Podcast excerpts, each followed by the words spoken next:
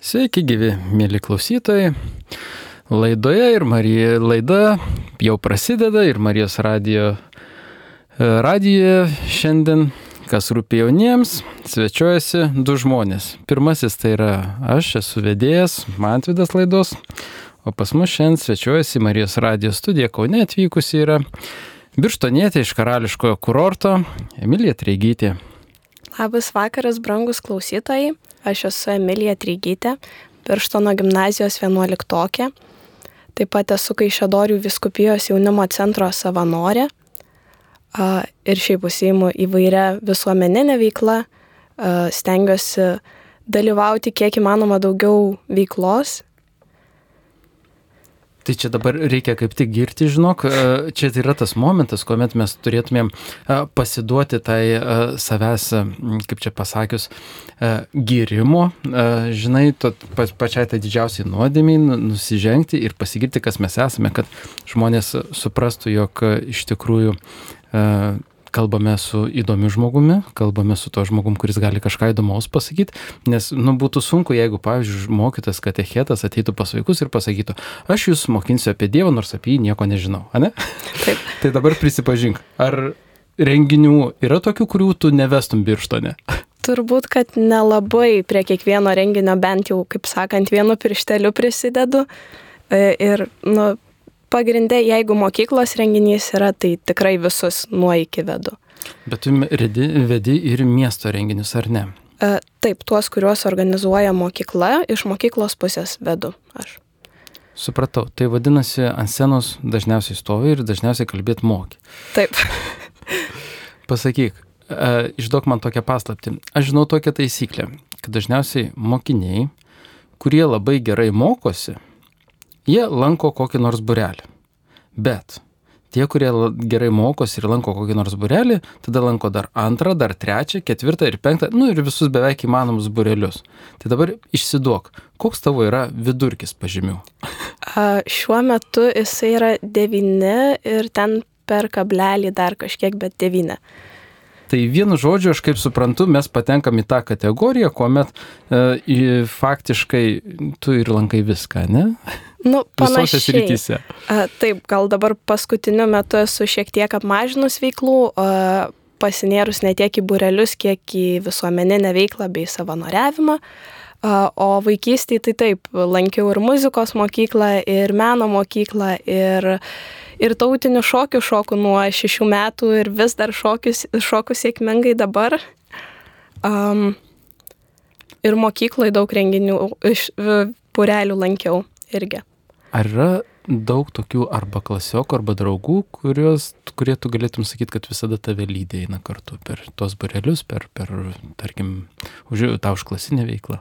Tai uh, su keliais klasiokais mes nuo vaikystės pradėjom šokti ir vis dar šokam kartu tam pačiam kolektyve. Taip pat su viena klasiokė kartu lankėm chorą ir, ir meno mokyklą ir abi praktiškai tuo pačiu metu ir baigiam ją lankyti. Irgi dėl, abi dėl tų, tos pačios priežasties, kad laiko nebeužteko ir nebesuspėjom ir norėjom į mokslus koncentruotis. Ir netgi vat, studijuoti irgi abi panašia linkme planuojam. Gerai, jeigu paminėjai, kad jau apie mokslus, tai pabandykime žengti į tą pusę, kuri dabar faktiškai yra labai svarbi. Dabar yra gegužės mėnuo, tai iš esmės visiems mokiniams, kaip ir yra tas lūžio taškas, kuomet reikia pagaliau ruoštis padėti tą galutinį tašką savo mokslo metuose, kurie jau besibaigė.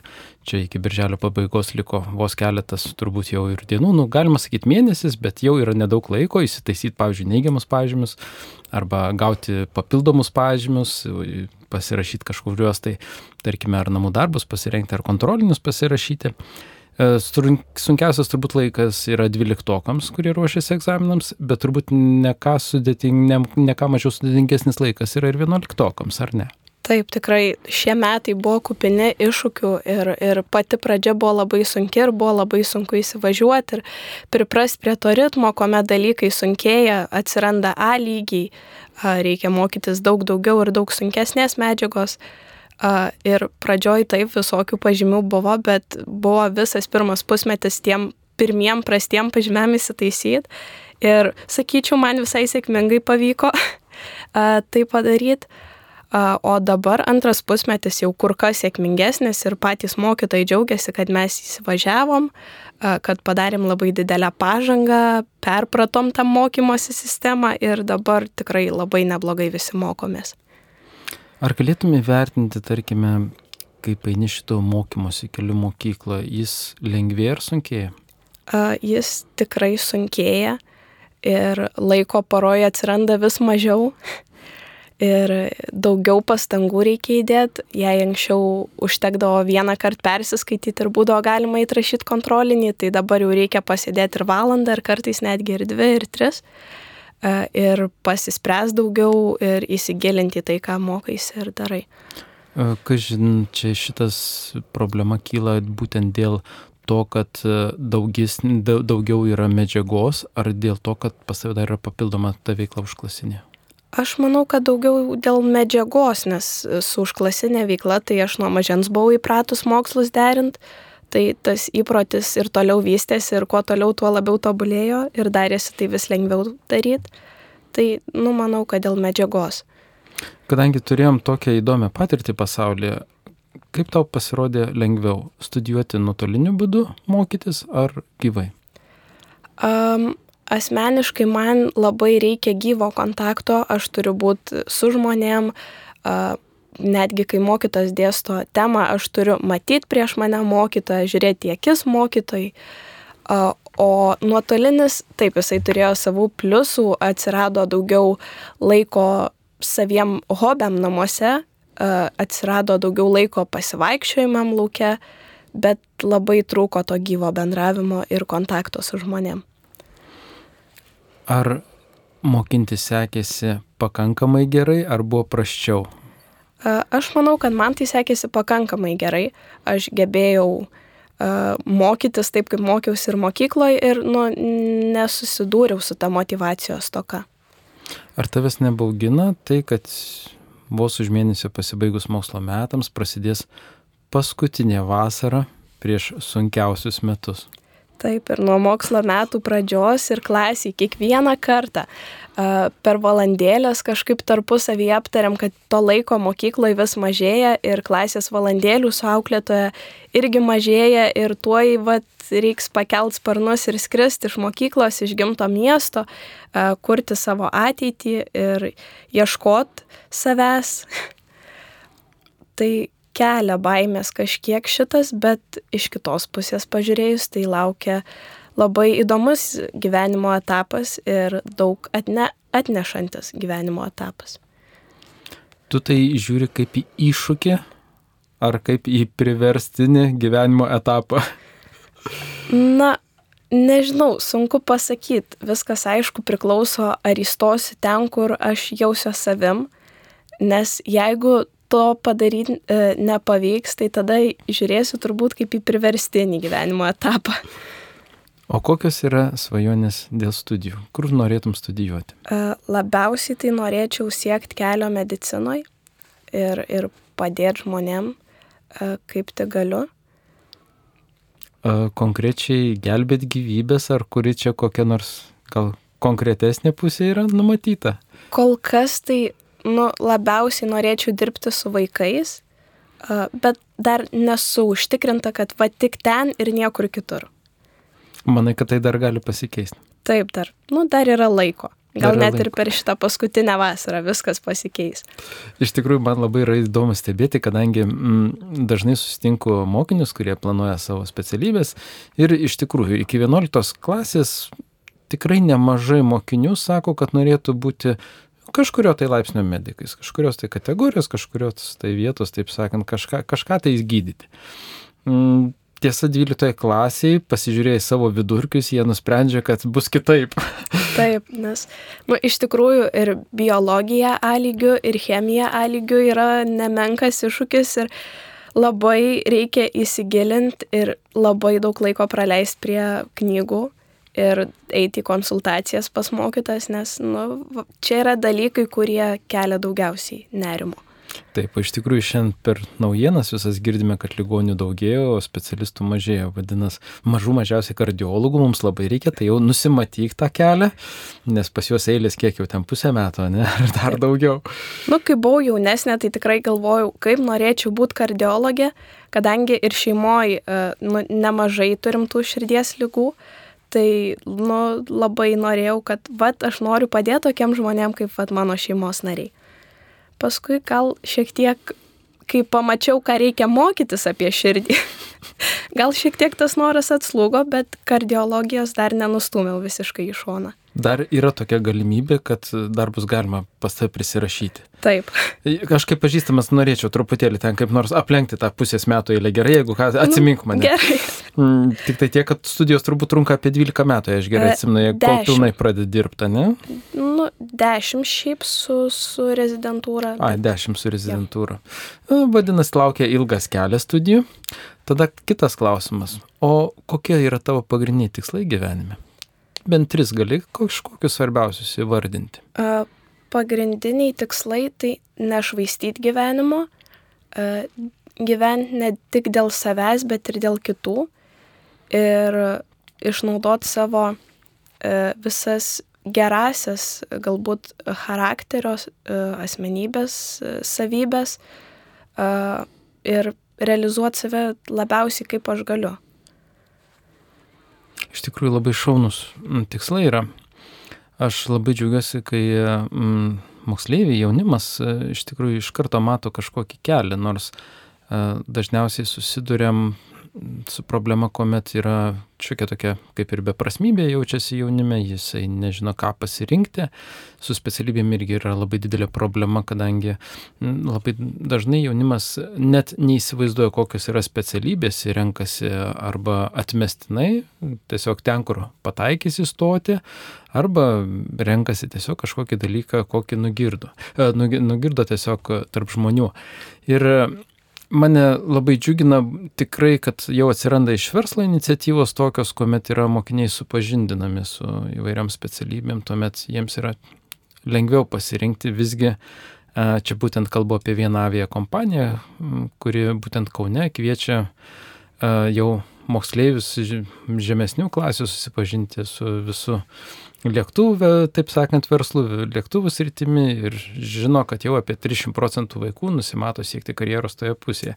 Visgi turbūt mokyklose mes dar turime per sudėtingą mechanizmą tokiai sistemai išvystyti ir turbūt dar tai užtruks, nors karjeros dienos turbūt pas jūs būna. E, būna ir dabar netgi mokykloje atsirado nauja kaip ir specialybė, tai karjeros specialistė kuri e, rūpinasi vat, būtent tuo mūsų karjeros planavimu ir ieško įvairių universitetų atstovų, ka, e, kviečia į mokyklą sugrįžti buvusius mokinius, papasakot apie jų e, tą gyvenimo kelią ir profesijos pasirinkimą.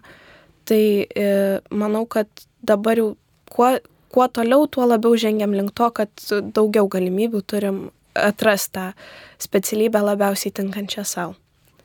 Supratau. O sakyk, koks iš dalykų, kuriuos tu mokaisi dabar, yra tau lengviausias? Aš manau, kad arba istorija, arba lietuvių kalba. Nes nuo mažens aš buvau visiška istorijos fanatikė ir ypatingai Lietuvos istorijos fanatikė ir labai domėjausi tiek partizanų istorija, tiek tremties istorija. O lietuvių kalba tai aš nuo mažens mėgstu rašyti rašau ir dabar, kuriu istorijas įvairias, dažnai pasiremiu istorinę tematiką. Tai, vat, manau, istorija ir lietuvių kalba tai dalykai, kur, nu, aš galiu mažiau tų pastangų įdėti, kad man pavyktų. Tai tu galbūt rašai novelės? Nu, dar kol kas ne. Dar ne, bet link to krypsta mane. Taip, labai tikiuosi. Nu, čia yra viena iš svajonių išleisti knygą ir istorijos remtos istoriniais faktais ar, ar, Taip. ar o. Tai tada turėtų būti labai įdomu. Turėtum turbūt e, būti panaši autorė kaip Alvydas Šlepikas. Nu, kažkas link tos pusės. Ir netgi iš draugių išgirstu, kad tu privalai išleisti knygą, jeigu tik išleisi, aš žinok, būsiu tavo pirma skaitytoja, nes, nu, labai įdomu, labai, labai, nu, įtikinamai parašytos istorijos ir lengvai klausomos, lengvai skaitomos. Supratau, labai įdomu. Tada kitas klausimas. Kurie dalykai sekasi sunkiausiai? A, manau, kad nesu labai matematiška ir, nu, chemija turbūt tas dalykas, kuris man šiek tiek kiša koją. Tai čia pagal tuos vertinimus esi humanitarė. Taip, turbūt, kad labiau humanitarė. Nu, humanitarė, humanizmas, tai taip ir žiūriu, kad krypsti žmonės, ne? Ja, Medicina, bet visgi gyvenime prisireikia ir matematikos. prisireikia taip. Man dažnai tenka vaikus, ypač berniukus, įrodinėti, kad jiems reikia mokintis matematikos, nes kitaip jie neapskaičiuos, kiek dažų reikia jų kambarių dažymui. Tai čia, manau, ir prisireiktų ir tau matematikos. Taip. Dėja taip, visada tokie dalykai yra sunkesni. Na, o chemiją reikės turbūt labiau patobulinti, nes paskui vaistų labai neskanių galite mums išrašyti. Taip. Reikės padirbėti dar man per vasarą. Na kągi, iš kitos pusės yra ne tik tais cheminiai vaistai, yra ir dvasiniai vaistai. Papasakok plačiau, kuom tu įsimi Kaišidorių viskupijoje. A, tai esu Kaišėdorių viskupijos jaunimo centro savanorė. Jaunimo centras užsijima Kaišėdorių viskupijos jaunimo tuo dvasiniu švietimu, sielovada ir organizuojam įvairius renginius skirtus jaunimui atrasti Dievą, patik, gal net atrasti tą tikėjimo kelią, drąsia širdimi a, skelbti, kad aš tikiu ir nebijot, a, netgi bet, a, parodom, kad jaunas žmogus bažnyčiai irgi yra svarbus ir labai labai reikalingas. Klausimas labai paprastas. Kaip apskritai tu patekai šį kelią? A, tai ganėtinai atsitiktinai a, tikybos mokytojas vieną rytą mane sutiko ir sako, Emilija, labai labai reikia, kad kas nors iš mūsų mokyklos važiuotų į lyderių savaitgalį. Tau ten nieko nereiks daryti, tu tik nuvažiuok. Aš iš pradžių galvoju, nu kur aš čia dabar važiuoju. Kas čia dabar, nu va taip netikėtai, nieko nežinojau, jokių detalių, bet aš, nu, kadangi linkus viskam, kaip sakant, pasirašyti, sakau, gerai važiuoju. Ir nuvažiavus aš uh, pajaučiau tą sielos išsilaisvinimą, tą pastiprinimą širdyje ir matydama uh, jaunimo centro savanorių komandą, aš labai norėjau joje atsidurt ir irgi kurti tą tokį gražų ryšį tarpusavio. Ir paskui praėjus keletui mėnesių po to renginio buvo paskelbta registracija į vaikų stovyklą. Ir aš uh, atsisėdau vakare ir sakau, mama, ką man daryti? Labai noriu savanoriauti, labai mėgstu darbą su vaikais. Bet o jeigu man nepavyks? Gal aš ten nu, netrasiu savo vietos. Ir mano mama visada mane palaiko, kad ir ką aš ben nuspręščiau, ji sako, važiuok, tu nieko neprarasi, o galbūt net ir atrasi labai daug dalykų. Ir aš kažkaip tą užsiregistravimą perkeliau kitai dienai, e, atsikėliau ryte ir pirmas dalykas, ką aš padariau, tai užsiregistravau į tą savanorystę. Ir tai buvo be galo gražus laikas.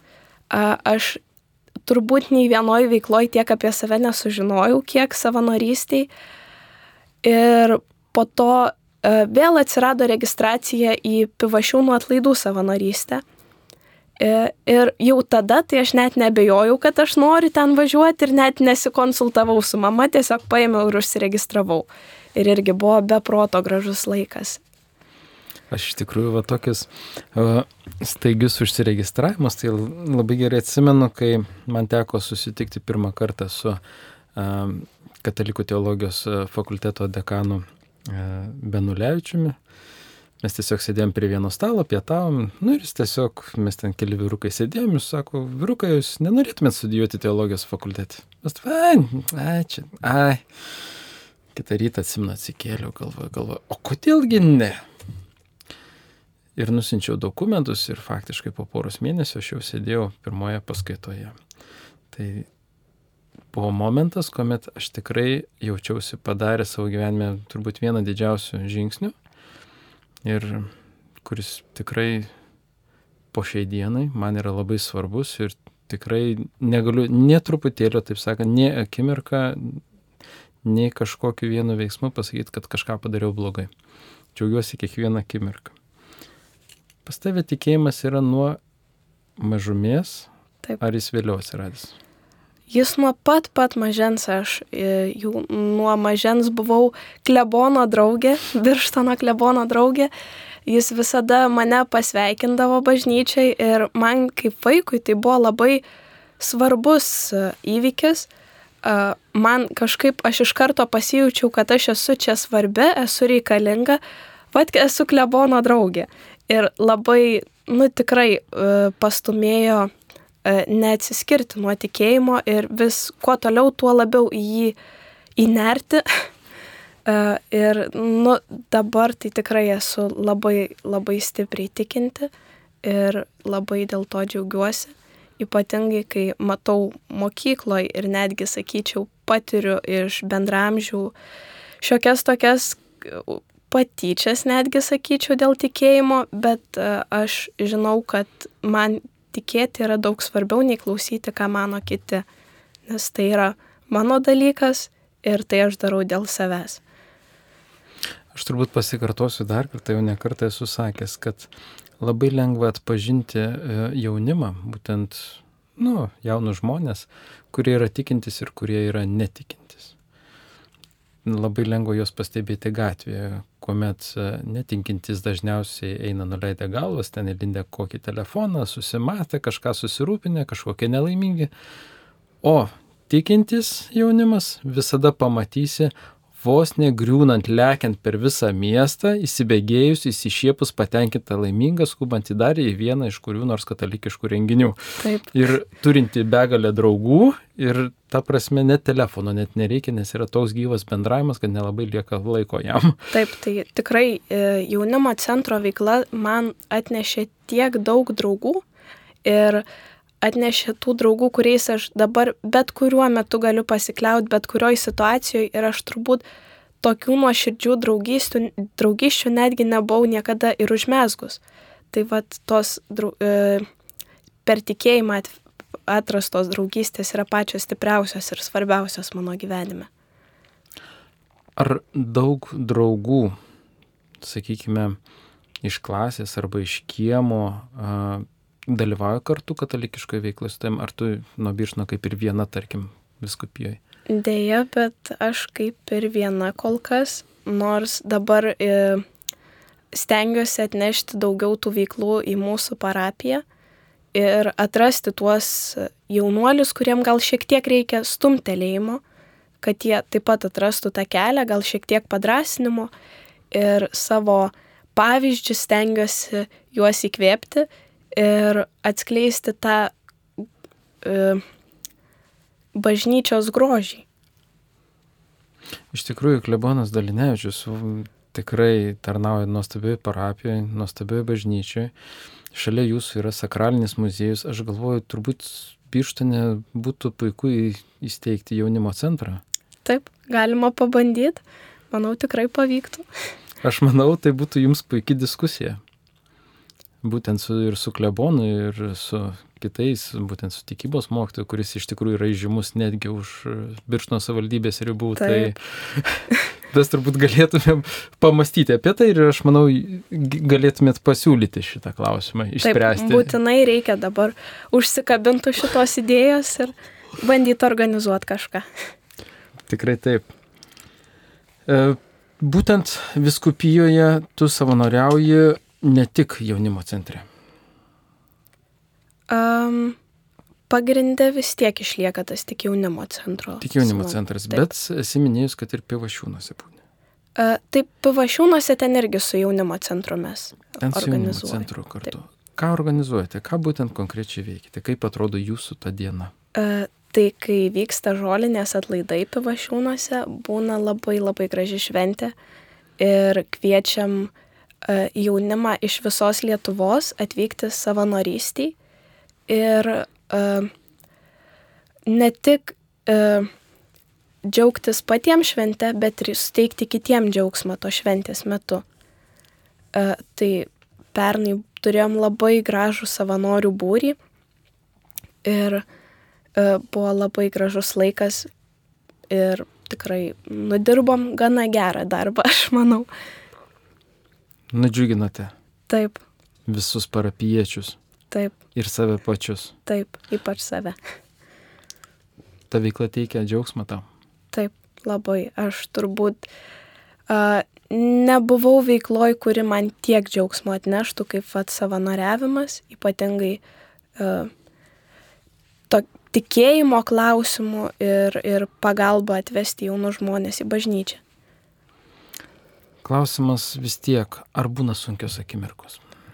Būna, kai jau atrodo pavargsti, užsisuki į tą rutiną, kai mokslai, grįžti namo, vėl mokslai, pamiegi ir vėl viskas iš naujo ir dar atsiranda renginys, kuriam reikia pasiruošti ir kur irgi reikia įdėti darbo ir atrodo, tu nebežinai, ko griebtis ir tą reikia atlikti ir tą atlikti, o laiko paroji tik 24 valandos.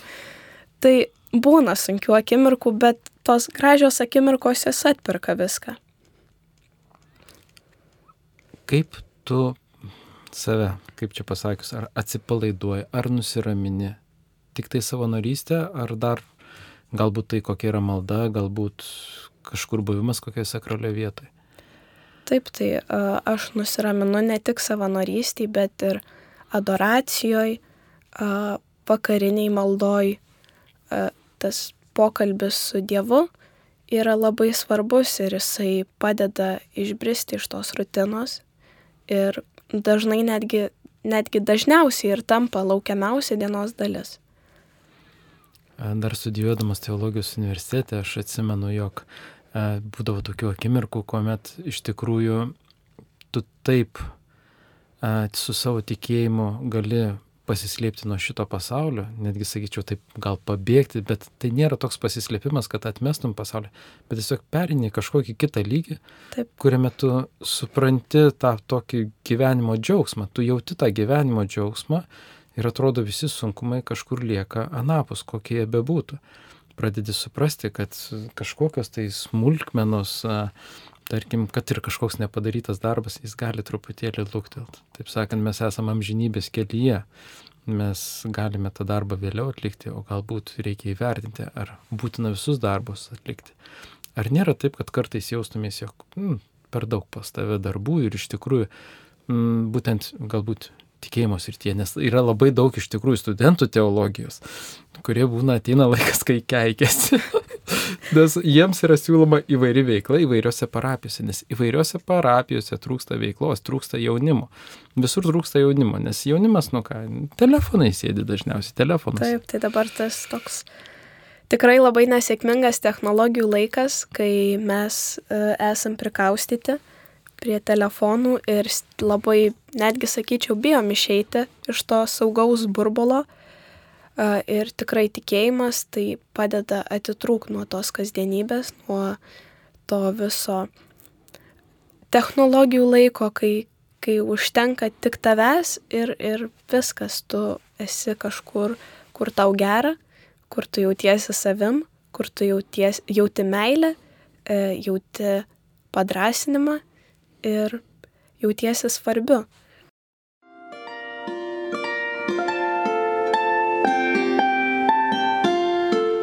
Jūs girdite Marijos radiją.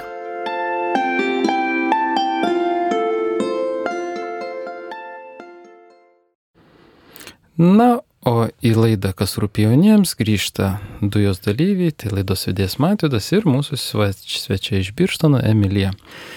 Emilija, Teskime temą apie tai, ką tu veikiai stovyklų metu viskupijoje. Tu minėjai, kad tenai turėjai ir daug vaikučių, kurios mokė. Turbūt daugelį ir teologijos studentų, ir katechetų, ir kit, kitų žmonių jaunų, kurie dirba su, su, su vaikučiais, labiausiai ir domina, kągi su jais veikti, kągi su jais daryti ir kaip su jais veikti. Papasakok. Tai pirmiausia, aš manau, kad su jais reikia veikti atvirą širdim, labai drąsiai, be jokių baimių, pasiryžus viskam. Pas mus stovykloje netgi buvo atvejais, kai e, turėjom ateivį, nudažytą žaliai. tai kartais netgi reikia nebijot pavirsti ateiviu, kad e, vaikam patiktum. Ir uh, reikia vaikam parodyti, kad jie gali tavim pasitikėti, kad jie, kad jie yra tau svarbus, nes dažnai į tokias vat ir stovyklas atvažiuoja vaikai, kurie gal nepatiria tiek daug meilės ir iš tėvų. Ir galbūt e, patiria patyčias, tai jiem labai svarbu parodyti, kad yra žmonių, jie, kurie jais rūpinasi, kuriem jie yra svarbus ir į kuriuos jie gali bet kokiu klausimu kreiptis. Kiek jūsų savanorių su kiek vaikų dirbo? Tai mūsų dirbo visa komanda su O, bijau net pameluoti, bet ten buvo gal apie 40 vaikų, gal daugiau, o savanorių buvo 7-8 kažkur tam vat, tarpe. Iš tikrųjų, aš dėl to ir klausiu, nes e, pats svarbiausias dalykas būtent yra dėmesio kiekis tiems vaikams ir būtent nuo komandos dydžio priklauso ir kiek tu tos kokybiškai to dėmesio galėsi atiduoti vaikams nes labai dažnai ir mokyklose kyla diskusija, su kiek vaikų gali dirbti mokytojas. Tai kuomet yra komplektas e, skaitomas 20, e, man atrodo dabar 8 mokiniai, jei neklystu, tai tikrai vienam mokytojui parodyti dėmesį visiems mokiniams kaip ir yra neįmanoma, net ir minimaliai. Iš esmės tas pats yra kaip ir, tarkime, namuose, ne? Nu, yra du tėvai ir, tarkim, vidutiniškai du vaikai, to dėmesio kaip ir viens ant vieno užtenka, bet kai kalba eina apie vieną žmogų 28, tai suprantama, kad mokytojas te gali būti klasės prižiūrėtojas, o ne, o ne, o ne kažkoks žmogus parodantis dėmesį kiekvienam. Aš labai džiaugiuosi, kad iš tikrųjų yra nuostabių mokytojų, kurie gali pasirūpinti visais. Ir aš labai tikiuosi, kad e, netgi ir tu pati tapsi tokia mokytoja per nu, kelis labai mėnesius. Labai tikiuosi, nes tikrai mokykloje turiu puikių pavyzdžių. Tai ir mano anglų kalbos mokytoja, ir lietuvių kalbos mokytoja, ir mano auklėtoja, istorijos mokytoja rodo tą nuostabų pavyzdį, kaip reikia sukurti tą ryšį su vaiku, kad jis netgi pertraukų metu galėtų pas tave ateiti ir pasakyti, nu, kartais atrodo net ir kvailiausius nusiskundimus, bet tu reaguoji juos, sprendi tas vaikui tuo metu svarbias problemas, tai tikrai turi labai puikių pavyzdžių uh, mokykloje iš mokytojų pusės. Kur... Ar stovykla tau vaikai atsiverdavo?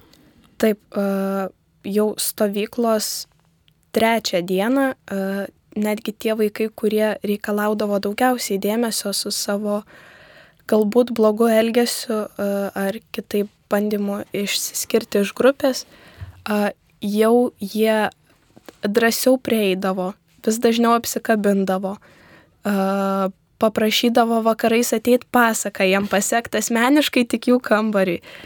Ir aš tikrai stengiausi išgirsti kiekvieną, kiekvienam, kiekvieną apsikabint, kiekvienam paklausti, ar viskas gerai, kiekvienam, kadangi buvo karšta vasara, tai kiekvienam pasiūlyti vandens, kad pat parodyti tą rūpestį, kad jie man tikrai yra labai svarbus. Ir netgi po stovyklos uh, jie prašė mano telefono numerio, socialinių tinklų ir vat, netgi iki šiandien yra tokių, kurie man ir parašo ir paklausia, kaip sekasi, ir aš jų paklausiu, kaip sekasi, tai išliko tas ryšys mūsų. Jie vadinasi seka paskui savo mokytą. Kiek laiko truko stovykla? Stovykla truko savaitę. Tai vadinasi, per savaitę jūs sukūrėte tikrai labai tvarų ryšį. Taip. Tiksliau, netvarų, o stiprų. Taip. Teko kalbininkų, kai kurių išgirsti pastabas, kad tvarus tai dabar yra susijęs su ekologija, ne, ne, ne, ne su tvirtumu kažkokiu. Tai. Ką tu pati gavai toj stovyklai? Aš išmokau pamatyti daugiau kitą nei patį save, gal šiek tiek užgneušti savo nuovargį ir jį paverst tokiu kaip ir įrankiu toliau dirbti dėl kitų. Ir netgi jei vakarais atrodydavo, kad esu labai labai pavargus, aš prisimindavau vaikų šypsenas, tą dėmesį man ir tas nuovargis atrodo išgaruodavo. Tai vad aš išmokau daugiau gyventi dėl kitų nei dėl savęs. Ar tu gavai kažkokių jėgų paslaptingų?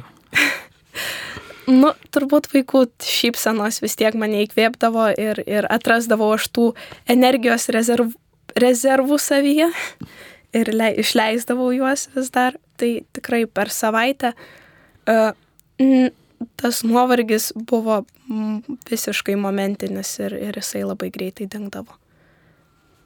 Vaikai tavim pasitikėjo, o tu jais? Tikrai pasitikėjau vaikais ir žinojau, kad tiek, kiek aš jam duodu, tiek pat aš gaunu atgal. Ir, ir paskui jau ir jie rūpinosi manim ir man netgi mes visi turim gražų bendrystės laiką, valgome prie vieno stalo, tai jie labai rūpinosi, kad užimtų man vietą, šalia savęs ten netgi tardavosi, kada prie kurio turėčiau sėdėti. Bažnyč, kai įdom kiekvieną vakarą į bažnyčią, taip pat irgi ten nepasidalindavo, kas sėdės prie manęs, tai tikrai tą pasitikėjimą įgyjau ir jie netgi pradėjo drąsiau kalbėti apie savo jausmus ir slegiančius rūpešius netgi. Ar labai rūpešiai slegia mažus vaikus šiais laikais? Um, aš tikėjausi, kad gal vaikai mažiau išgyvena uh, šiais laikais, bet jo kartais netgi atrodo, kad juos slegia tos nevaikiškos problemos. Kokios pavyzdžiui? Uh, tai ir šeimininės problemos, ir, ir patyčios mokyklai gana stiprios ir uh, tarpusavio ne, negebėjimas sukurti gražaus ryšio tarpusavį. Socializacija. Taip. Būtent tas turbūt matosi ir mūsų visoje visuomenėje, kuomet mes negebame, galbūt ir gebame sukurti tą pirmąjį ryšį, bet ne, nebegebame jo išlaikyti ilgiau, mes nesugebame jo išlaikyti ilgiau, nesugebame normaliai kažkaip tais ilgai bendrauti tą, tą ryšį, kurį turėjome iki šiol, nes dabar labai dažnai pastebiu, kad net ir vaikai draugiškiau vien su kitu susirašinė, negu kad susikalba. Taip. Tai mm, tas bendravimas skiriasi toj socialiniai erdvėjai ir, ir gyvas tas bendravimas. Iš esmės didėja savanoriško atskirtis viens nuo Taip. kito. Tai yra labai liūdna. Sakykime, tu numačiusi šiai vasarai? Šiai vasarai uh, vėl savanorystė vaikų stovykloje, uh, savanorystė jaunimo stovykloje, taip pat uh, savanorystė pivašiūnų atlaiduose, planuoju mokytis dar vis, stengtis pasiruošti kaip įmanoma geriau egzaminams, palsėti žinoma ir gal net ir šiek tiek padirbti. Ar nebus taip, kad tavo noras tapti kūno gydytoja pataps noru būti dvasios gydytoja? Nežinau. Um, visko gali būt, tikrai netmetu tokio varianto, bet gal labiau vis dėlto traukia tas kūno gydytojas. Uh, kol kas. Taip, kol kas. O paskui žiūrėsime vidurkius. taip. Kągi, Emilė, mūsų laida jau priartėjo prie pabaigos.